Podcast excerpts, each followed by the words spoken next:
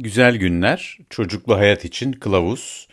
Bir e, Şule Yazgan, eşim, e, aynı zamanda çocuk hekimi ve benim 2001-2002'de yaptığımız Açık Radyo'da o dönem yayınlanmış, 3 dönem yayınlanmış sonra yayından kalkmış olan bir e, program. E, konuklarla e, birçok zaman e, gerçekleşen insan gelişimi ve daha ziyade anne babalara çocuklu hayatla ilgili bir e, yol gösterme amaçlı. Hani bildiğimiz yolu gösterme tabii. E, keyifle e, dinlemenizi e, e, diliyorum. Hoş geldiniz. Ee, çocuk büyükler için çocuklu hayat bilgisi programımızın kısaca konusu. Tabii, klasik ilkokul çağı ile ilgili dikkat öğrenme sorunları üzerinde durmayı düşünüyoruz bugün programda. Hı hı. Ama okula ilk başlangıçta zaten yani ilkokul diye konuşursak ilkokul e, bence yani bugün ilkokulu artık, biraz daha belki ama yani alıyoruz. ilk başlangıcı düşünürsek e, çocukların aslında ne kadar kafa ne kadar e, yatkın dahi olsalar okula gitmekte kafalarında yeni soru işaretleri oluyor. İşte arkadaşlarım beni tanımıyorlar. Bizim e, kızımız ilkokula başlarken bunu çok net bir şekilde ifade ettik ki her çocuk bunu ifade etmiyor. Şimdi orada beni kimse tanımıyor olacak, öğretmen beni bilmiyor olacak. Bu ana herhalde e, kafalarındaki sorulardan birisi. Na, yani e, nasıl olacak bu iş? Hiç kimse beni tanımıyor. E, ona biraz belki başlangıçta e, daha doğrusu böyle bir sorun olabileceğini varsayarak e, çocuğun kafasında e, başlangıçta biraz onunla konuşup rahatlatmak açısından iyi Sen olabilir. Sen ne yaptın mesela bizim İdil? E, yani bunu çok net bir şekilde dile getirdi İdil. Hı E, Senle konuştu galiba. Benle konuştu. Yani, yani çok annelerle konuşuyor. Şimdi çocuklar. beni e, tanımayacak öğretmen. Hı hı. Hiç kimse keşke tanıdığım bir arkadaşım olsa sınıfta. E, benim ben de dedim ki İdil'cim öğretmenler zaten e, hiçbirinizin sizi tan birbirini tanımayacağını beklentisi içindeler. Bu beklenti içindeler. Yani tabii bunu tabii çok daha basit bir şekilde anlattım. Merak etme. E, diğer çocuklar da öğretmeni tanımıyor olacaklar. Yani yalnız değilsin. Öğretmen de zaten işin zor olduğunu bilincinde. Size onun için daha kolaylık sağlayacaktır yaklaştım. Tabii yani ne kadar olsa ilk gün biraz zor oluyor ama tabii yine sonuçta çok keyifle geldi okuldan. Yani orada tabii bence biz ne dersek diyelim onu çocuğu karşılayan e, yeni ortamının e, çocuğu karşılamaya hazırlıklı olması. Tabii ee, öğretmenin yani bu konuda öğretmenin nitelikleri yani ev sahibi çok önemli. Her şey her şey kontrol altında imajının çocuklara herhalde verilmesi. Yani Diyorsun bize Merak yutturamazlar ama. Merak etmeyin her şey kontrol altında. Çünkü gerçekten o anksiyete yani iş, e, işlerin e, beklen, beklendiği gibi olduğunu görmek çocuklar açısından çok rahatlatıcı bir şey olsa gerek. Yani belli bir çerçeve hep diyoruz ya biz disiplinle ilgili de konuşmuştuk bunu. Aile içi disiplin, ilişkiler falan. Yani belli bir çatı olmadığı zaman bir kaos ve böyle bir dağınıklık olduğu zaman gerçekten çocukların kendini rahat hissetmesi çok da kolay bir şey değil. Doğal olmuyor böyle bir şey. O nedenle daha kontrollü bir ortamda çocuk da buna biraz hazırsa herhalde çok zorlanmıyorlar. Tabii çocuğun kişiliğine de bakıyor herhalde değil mi? Yani çocuk tabii yani burada hep bir bu ayrılıkla bahsettiğimiz konuyla ilgili demek istiyorum. Yani bazı çocukların daha dayanıksız olduklarını e, strese biliyoruz. Yani bazılarımız öyle hepimiz için yani bazı çocuklar ve insanlar. E, burada çocuğun temel yapısal özellikleri diyelim. Yapısal deyince tabii fizyolojisinin belirlediği ama o fizyolojinin de büyüme sırasında fizyolojimiz yani işte genetik özelliklerimiz, genlerimizin e, tabii genler aynı gen farklı farklı koşullarda farklı ürünlerde üretebiliyor. Çünkü genler bir dizi eylem sonucunda son ürünleri ortaya çıkan şeyler. Yani A B'yi belirliyor, B C'yi belirliyor. C de ortaya X product, X ürününü ortaya çıkarıyor. Ee, ama orada diyelim ki A şeklin, A senin dikkatinin dağıldığını belirleyen bir gen. Hı hı. B e, çevreyle etkileşimini, e, duygusal düzenlemeni belirleyen gen. E, C de e, çevren yani mesela diyelim algılarının kuvvetini belirleyen bir gen. Bu ABC gen, genlerinin üçünün ortaklaşa e, üretimi herkeste değişik olabiliyor. Çünkü müthiş e, pek çok permütasyonlar buradan üretilebilir. Pek çok kombinasyonlar daha doğrusu üretilebilir. E, sen dikkati eksik olma özelliğini taşısan bile diyelim ki bunu telafi edebilecek diğer özellikler e, mevcutsa e, yani yapısal olarak böyle bir yatkınlığın olsa bile dikkat eksikliği problemini çok daha hafif ya da hiç yaşamayabiliyorsun. Ama genetik olarak öyle bir özelliği taşısan bile yani hı hı. ben e, pek çok aileyle konuşurken işte bu problem genetik fizyolojik temellidir. Ancak uygun koşullar e, olmadığında çocuğa uyan koşullar olmadığında bir problem olarak ortaya çıkabilir. Hatta bazı çocuklar e, dikkatle ilgili bir sorun için temel potansiyel genetik yapıyı taşımadıkları halde Hı. Bazen çevresel koşullar o kadar berbat olabilir ki bir çocukta yine dikkat eksikliği, hiperaktivite tipi problemler e, oluşabilir. O yüzden hep e, yani olayın hani efendim bu neden oldu? E, işte çocuğu düşürdük 3 aylıkken Hı. ondan mı ya da işte annesi bir buçuk yaşında çalışmaya başladı ondan mı gibi sorularla karşılaştığımda tabii ki bunların katkılarının bu tip olaylarında etkisi olabiliyor ama bu tip olayların e, katkısı ihmal edilebilir düzeyde. Yani bunlar fiilen ciddi bir etki oluşturmuyor. %70'ler 80'ler düzeyinde dikkat sorunlarında uykula başlayan bir çocuk da e, genetik etkilerin e, rolü var. E, %20'ler 30'lar civarında da e, çevresel dediğimiz öğretmen tutumu, oku, sınıfın büyüklüğü, okulun maddi yani e, mekansal, yapısal özellikleri, eğitimin yükü, hı hı anne babanın çocuktan beklentileri gibi bir sürü başka parametre var. O yüzde 20-30'luk parametreyle oynayarak yani genetik olmayan, genetik ve fizyolojik olmayan yani değiştirilmesi daha zor olan diyelim. Daha bir tıbbi müdahale gerektiren özellikler dışında bir sürü başka özellik var ki sadece onlarla şey yaparak manipüle ederek ee, bir çocuğu çok rahat hale sınıfta performans getir gösterir hale getirmek mümkün olabiliyor. Yani e, o yüzden e, efendim çocuğumuz hiperaktif mi değil mi vesaire gibi sorulara insanlar tabii yani bu cevaplara ihtiyacımız var aslında bazen etiketlere, teşhislere. Ama çocuğumuzun hiperaktif olup olmamasından öte çocuğumuzun kendi yapısına uygun bir ortamda ve koşulda eğitim görüp görmediğini hı hı. E, ve bizim ona uygun ortamlar hazırlayıp hazırlamadığımızı düşünmemiz daha e, verimli bir soru oluyor. Bırakalım hiperaktif olup olmadığını doktor düşünsün yani gerekiyorsa fizyolojik kısmı için ilaç mı verir şunu mu yapar.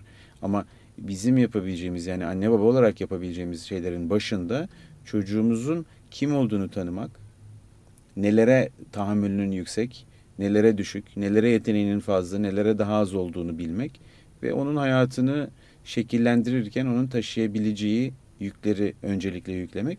Sonra da yeni yükler taşıyabilir hale getirmek için e, uğraşmak gibi düşünüyorum. Hı hı. Yani bir formül dersen bu konuyu açalım. E, evet hangi tip yani çocukların belki özelliklerinden biraz bahsedebiliriz. Evet. Anne babaların onu anlayıp tanıyabilmeleri ve ne kadar yük kaldırabileceklerini tamam. anlayabilirsin.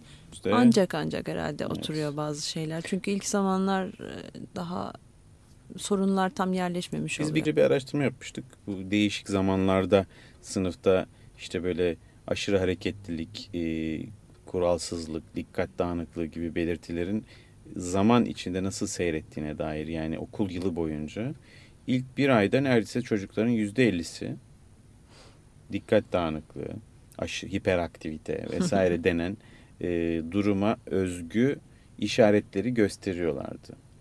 Tabi e, burada e, bunlar bir takım davranışlar. Bu davranışları çocuklar çeşitli sebeplerle gösterebiliyor. Hı hı. Yani sınıfın henüz kuralların oturmaması, işte daha önceki programda ve bugün başında bahsettiğimiz gibi evden ayrı olma duygusuna henüz alışamama, e, ders denen şeyin yani niye öğrendiğimizi çok da pek anlamadığımız e, ama bir şekilde öğrenmemiz gerektiğini düşündüğümüz sosyal bir gerek olarak öğrenmemiz gerektiğini düşündüğümüz bir şeylerle karşılaşma ve bunları yaparken zorlanma işte kalemi tutarken bir şeye bakarken tabii yuvadan ana sınıfından gelen çocuklar bu açıdan biraz daha hazırlıklı oluyorlar. Yani onlar e, öyle çocuklara baktığımızda yani o tür bir eğitim geçmişi olan çocuklara yüzde otuzlara düşebiliyor bu oran ama yüzde otuz tabii e, diğerden hiperaktivite toplumda yüzde otuz görülen bir problem değil. Yüzde dört beş civarında e, ve aynı oranı biz böyle Kasım'da, Aralık'ta değişik aralıklarla saptadığımızda yüzde ellilerden yani hiperaktif davranışlar gösteren çocukların oranı yüzde ellilerden yüzde önce bir 30'a sonra bir 20'ye böyle her ay yüzde 10-15 düşerek Ocak ayı geldiğinde bizim malum yüzde beşlik e, zemine hı hı. oturdu ve o yüzde beş sene sonuna kadar hı hı. öyle kaldı.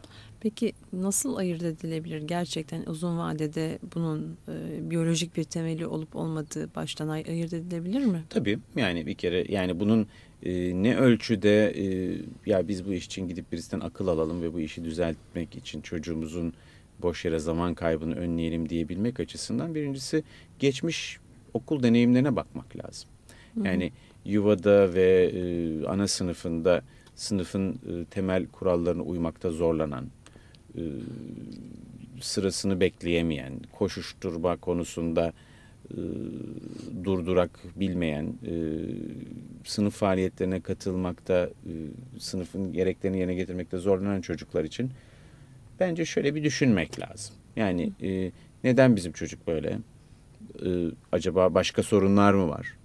Tabii ki bir sürü e, sorun çocuklarda etken olabiliyor. İşte tabii bunları gazetelerde falan görüyorsun ya da televizyon programlarında işte bir takım listeler ve sağa sola koşturur, düz duvara çıkar. O listeye bakarsan o listeye herkes bak, Herkes öyle. Zaten araştırmalar onu gösteriyor. Baktığınızda sadece oraya bakarak teşhis koyarsan yüzde yetmiş falan insan kendine hiperaktivite teşhisi veya çocuğuna hiperaktivite teşhisi koyabilir o bir fotoğraf çekiyorsun. Yani teneffüs saatinde baktığında bir çocuk devamlı sağa sola koşturuyorsa yani bunu vay bu çocuk çok hiperaktif diyen e, birisi bence e, saçmalar yani açıkçası. Hı hı. Şimdi e, ya da efendim çocuk çok sıkıcı bir şey dinliyor. Bir tiyatroya götürdük mesela çocuğumuzu. Atıyorum hani sıkıcı deyince herkesin aklına nedense Shakespeare falan geliyor. Shakespeare ayıp oluyor ama diyelim ki Shakespeare'den bir şey oyun böyle ağdalı bir dille falan oynanan. E, çocuk uyudu ya sağa sola baktı yerinde kımıldanmaya başladı ya da elindeki program kağıdını hışırdatmaya. Annesine arkadaki hanım önüne çocuğunuzu bir doktora götürseniz iyi olur. Çok hiperaktif dese. Sen öndeki çocuğun anne babası olsan ne dersin? Sen kendi git dersin veya başka bir şey dersin. Şimdi burada bu hiperaktivite yakıştırmasının böyle bol keseden kullanılması hı hı. bir kere bu problemi sanki e, doktorların uydurduğu bir şeymiş ya da böyle çok hani öğretmenlerin işlerine gelmeyen çocuklara yakıştırdığı bir etiketmiş gibi e, algılanmasına sebep oluyor. Zaman zaman da böyle. Diğer yandan senin sorduğundan sahici olarak bir durum olup olmadığını Tabii anlamak baştan açısından. Baştan o yani ayırt etmek için ne yapmak lazım? E, bak dikkat dağılan bir şeydir birincisi. Çocuk da hareket eden bir canlıdır genellikle. Durması normal bir şey değil bir çocuğun.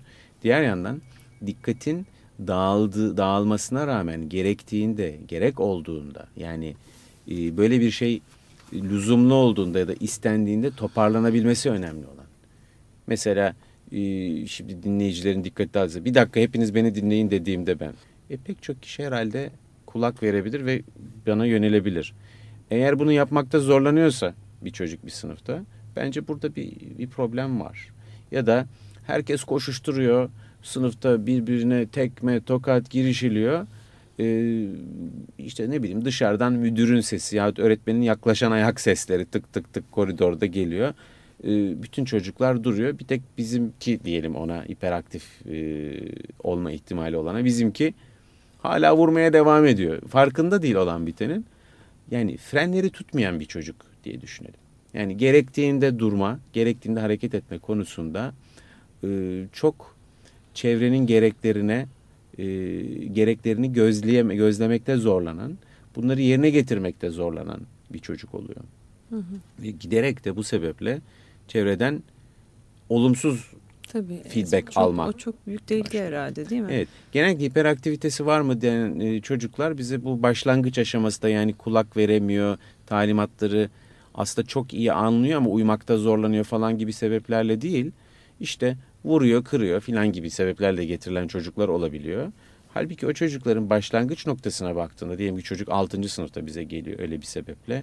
Başlangıçta yani çok da öyle vurucu kırıcı bir çocuk olmadığını, kendi halinde hatta fazla kendi halinde bir çocuk olduğunu da çok zaman gördüğümüzde oluyor. Ee, ama zaman içerisinde diyelim ki o hareketlilik, o kulak vermeme yani verilen talimatı anlamadığı için sen diyorsun ki çocuğa işte Ali İhsan git içeriden bir bardak su getir diyorsun. Ali İhsan gidiyor içeri gelmiyor. Çünkü içeride o sırada tam gitmişken abisini bilgisayar başında görüyor. Oraya takılıyor. Ondan sonra aklına e, topu geliyor e, tavan arasında kaçmış olan. Gidiyor onu aramaya. Sen arada su bekliyorsun. Ve bunu e, çocuğunu tanımayan bir bireysen, bir anne babaysan kendini itaatsizlik olarak görüyorsun. Halbuki burada itaatsizlikten ziyade verilen yönergeyi kaydetmekte zorluk. Yani çünkü onun için çok da önemli bir şey değil. Kendisi için önemli olanları genellikle unutmuyor tabii çocuklar. Çünkü o kendi sisteminin içinde zaten. Ama dışarıdan senin verdiğin bir komutu onun sindirip e, kaydedip bir yere takip etmesi için ciddi bir dikkat performansına sahip olabilmesi gerek. Hı hı. Çocukların önemli bölümü bu performansa sahip. Ya da bu performansı kendi menfaatlerinin çok bariz olduğu, apaçık olduğu durumlarda gösterebiliyorlar. Yani git içeriden cüzdanımı getir sana 5 milyon vereceğim dersen herhalde koşa koşa gider. Dolayısıyla burada bir başka faktör işin içine giriyor. İnsanları şaşırtan şey bu. Motivasyon. Hı hı. Yani dikkatini verebilmek ve öğrenebilmek ve bazı koşullara uyum sağlayabilmek için e, herkesten daha fazla motivasyon gerektiriyor bu çocuklar. Hı. Hadi aslanım, koçum falan mesela gibi şeylere, e, sırt sıvazlamalara daha çok ihtiyaç duyuyorlar. E, ben birazcık şeye benzetiyorum. Beni daha önceden duyanlar için belki ikinci baskı olacak ama e, yani aslında bu çocukların önemli bölümü düz yolda çok iyi gidiyorlar. Ama e, arabayı yokuşa vurduğunda yani bir hoşlarına gitmeyen bir e, durum mesela bir şey öğrenmek, ödev yapmak veya öğretmen otur dediğinde oturmak gibi. Yani o anda onlar için anlamlı olmayan bir durumla karşılaştıklarında Buna ayak uydurmakta zorlanıyorlar. Yani yokuşta zorlanan bir araba düz yolda belki herkesi geçebilir, çok iyi gidebilir. Yani belli koşullarda ortaya çıkan problemler bunlar. O yüzden acaba o koşulları ne kadar düzeltebiliriz? Demin diyordum ya fizyolojik, genetik ve yapısal öz, e, özelliklerle, çevresel özellikler bazen e, arabamızın yokuşta çok iyi gitmediğini biliyorsak e, pek yokuş olmayan yollardan gitmeyi tercih edebiliriz. Yani mesela dikkati dağınık, e, hareketliliğe meyilli bir çocuğu e, 50 kişilik bir sınıfa koyduğun zaman e, onun ipini çekmiş oluyorsun yani.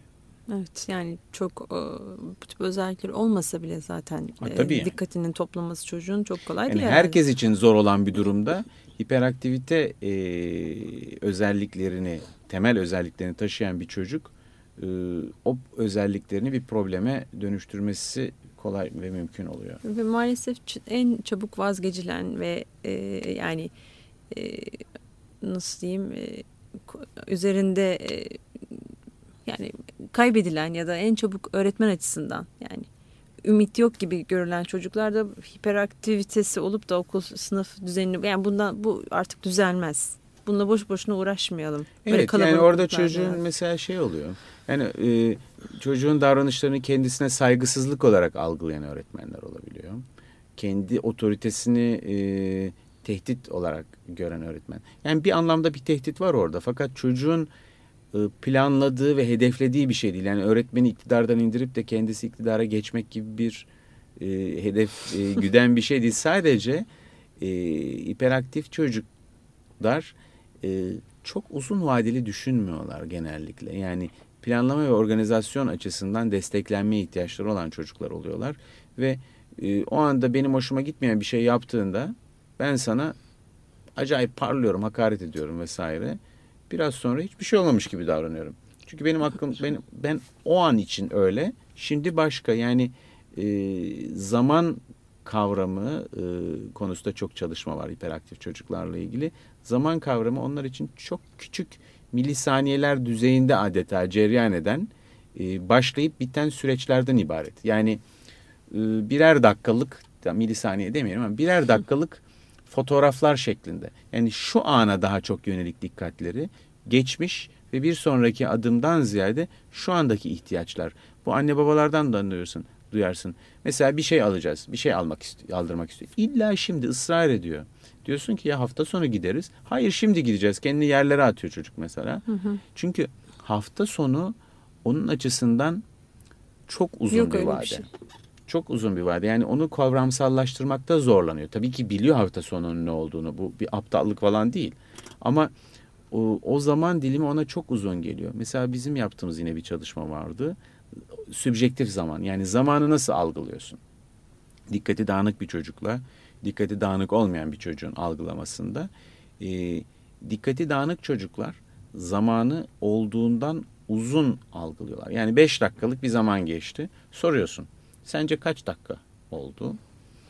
10 dakika, 15 dakika gibi e, bir hı hı. E, yani ona çok uzun geliyor bütün her şey ve onun hızına ayak uydurmuyor. Hı hı. Yani zihninin çalışma hızına.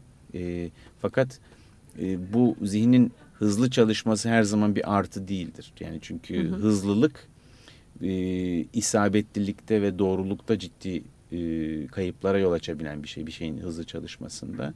Bir de hızlı yani devamlı hızlı çalışması uygun bir şey değil. Gerektiğinde yavaşlayabilmek, gerektiğinde hızlanabilmek.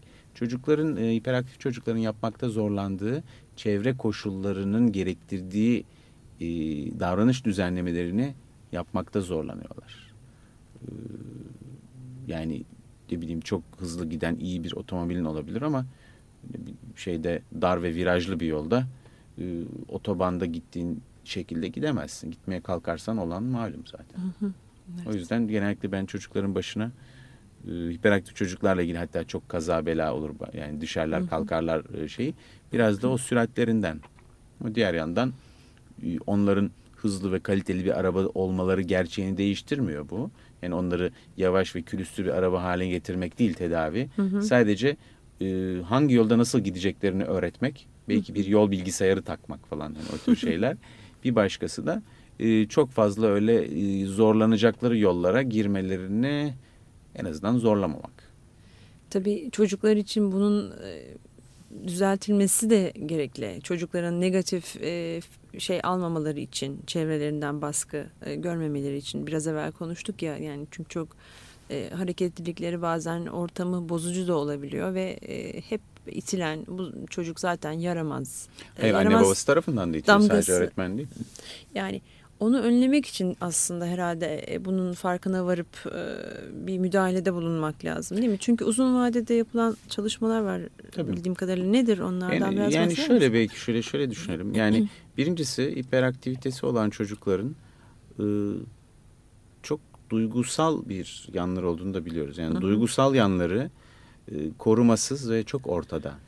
hiperaktivitesi olan çocuklarda duygu ve davranış arasındaki bariyer ya da filtre çok iyi çalışmıyor ve e, ikisi de birbirini fazlasıyla etkiliyor.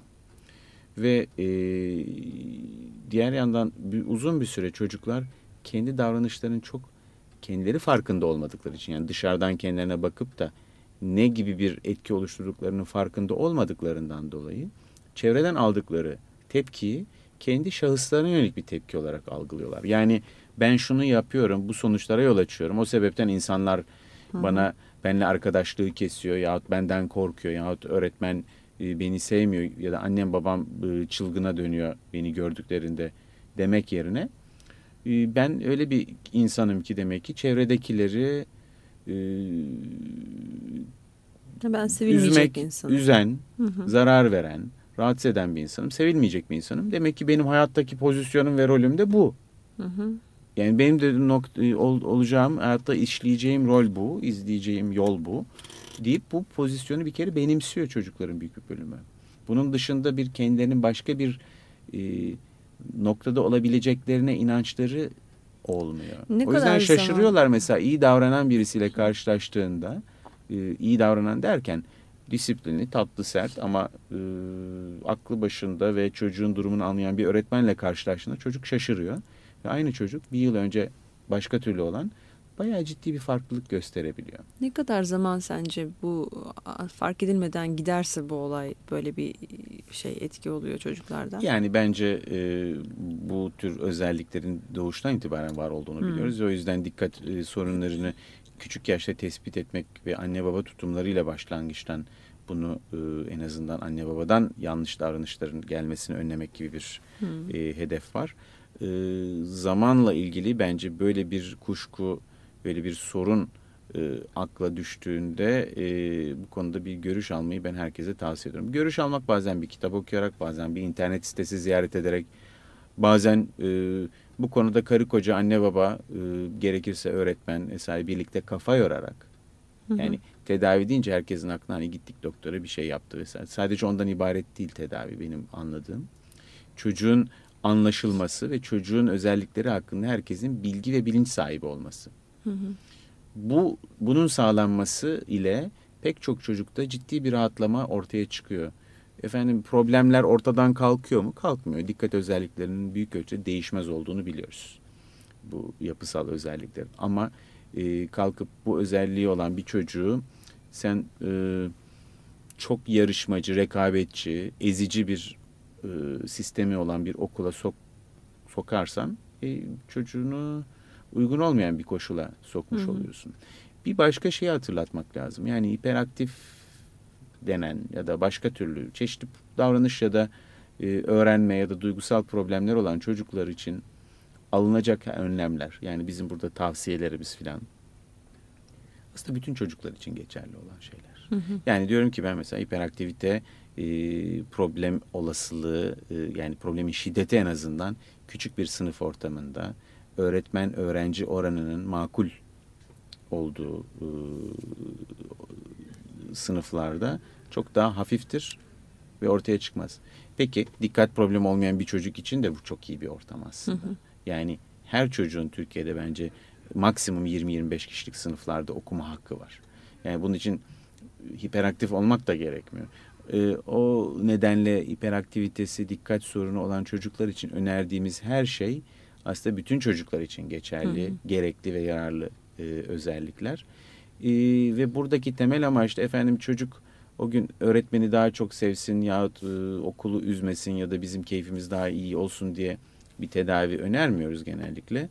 Çocuğun e, gelişiminin en kritik olduğu dönemlerde yani 14-15 e, yaşının öncesinde bir takım hayatın temel ilkelerini öğrenmek konusunda sıkıntı çekmemesi için e, akademik olarak gerçekten önemli bilgileri öğrendiği dönemde, çalışma alışkanlıkları kazandığı dönemde bu özelliği sebebiyle sorun yaşamaması için ve senin demin az önce işaret ettiğin çocuğun çevreyle ilişkisinde kendisini devamlı eleştirilen, kötülenen, dışlanan bir tip olarak görmemesi ve bu rolü de benimsememesi için böyle bir şey gerekiyor. Yani dikkat ne, öğrenme ne, e, duygularımızı e, nasıl e, uygun şekilde denetleyebiliriz, hayatı nasıl yönetebiliriz? Aslında ben e, dikkat eksikliği ve hiperaktiviteyle çalışmanın getirdiği şeylerden birisi e, gerçekten hayatın çeşitli ayrıntılarını e, nasıl planlarız ve nasıl yönetiriz konusunda düşünmemi benim çok arttırdı. E, gündelik hayata ayak uydurmak, hayatın tadını çıkarmak. Çünkü e, dikkatimizi vermekte zorluğumuz varsa belli konulara ve bu e, bu konuda yani dikkatimiz üzerindeki komutamız zayıfsa, sadece çok ilk görünüşte keyifli olanlarla ilgilenip ilk görünüşte keyifli olmayan şeylerle ilgilenemiyorsak bu bazen bir sorun oluyor. Yani bu e, görünüşü güzel yemekleri sadece yiyip görünüşü güzel olmayanları ya da hemen ağzımıza geldiğinde tadını vermeyen yiyecekleri tadını varamamayı mesela getiriyor. Hı hı. Değil mi? Mesela baklava, börek falan gibi şeyler yağlı ve şekerli olan şeyleri hemen tadı ağzına gelir ve çocuklar genellikle dikkat edersen bunu severler. Şekerli ve hı hı. yağlı, unlu, karbonhidratlı şeyleri. Ama sebze, örneğin enginar mesela İzmir tipi enginar özellikle bu yaprağı emilen onun tadına varabilmek için iyice emmen, bir süre ağzında tutabilmen, hani hemen yutmaman yani. E, hatta üzerine belki bir bardak su içmen bir proses gerektiriyor. Yani belli bir süre geçirmen gerekiyor. Derinleşmen gerekiyor ilişkinde. Ancak o zaman tadına varıyorsun. Yoksa ilk şöyle bir tatsan iğrenç bir şey deyip tükürüp yani ben öyle yapıyordum çocukken dikkatim kısayken dikkatimi daha bir toparladığım zaman bu arttı. İlişkiler için de öyle. Öyle. Evet. En derinleşme fırsatı e, derinleşme fırsatı vermiyor bence hiperaktivite. Hayat, Hı hı. Hayata derinleşme fırsatı vermiyor. İlişkilere derinleşme fırsatı vermiyor. Ve her şeyi çok yüzeysel yaşamaya Hı hı. sebep oluyor. Evet. O yüzden- Zor ve tatsız bir şey. Yani o, o problemi yaşayan çocuklar için asıl sorun. Tabii yani tabii. ve onların büyüklükleri için asıl sorun ve hayatın tadını almayı önlediği için ileride depresyon Hı hı. e, sebebi oluyor. Hayatın tadını almayı öğrenemiyorsun ki. Güzel. Çok ağzına sağlık Yankı. E, bugün konuşmaktan yani gevezelikten ama bir daha bu kadar konuşmayacağıma söz veriyorum. Yok canım. Şey kalmadı, Bakalım. zaman kalmadı. Peki Evet. şimdilik böyle herkese. Şimdilik iyi hoşçakalın. günler.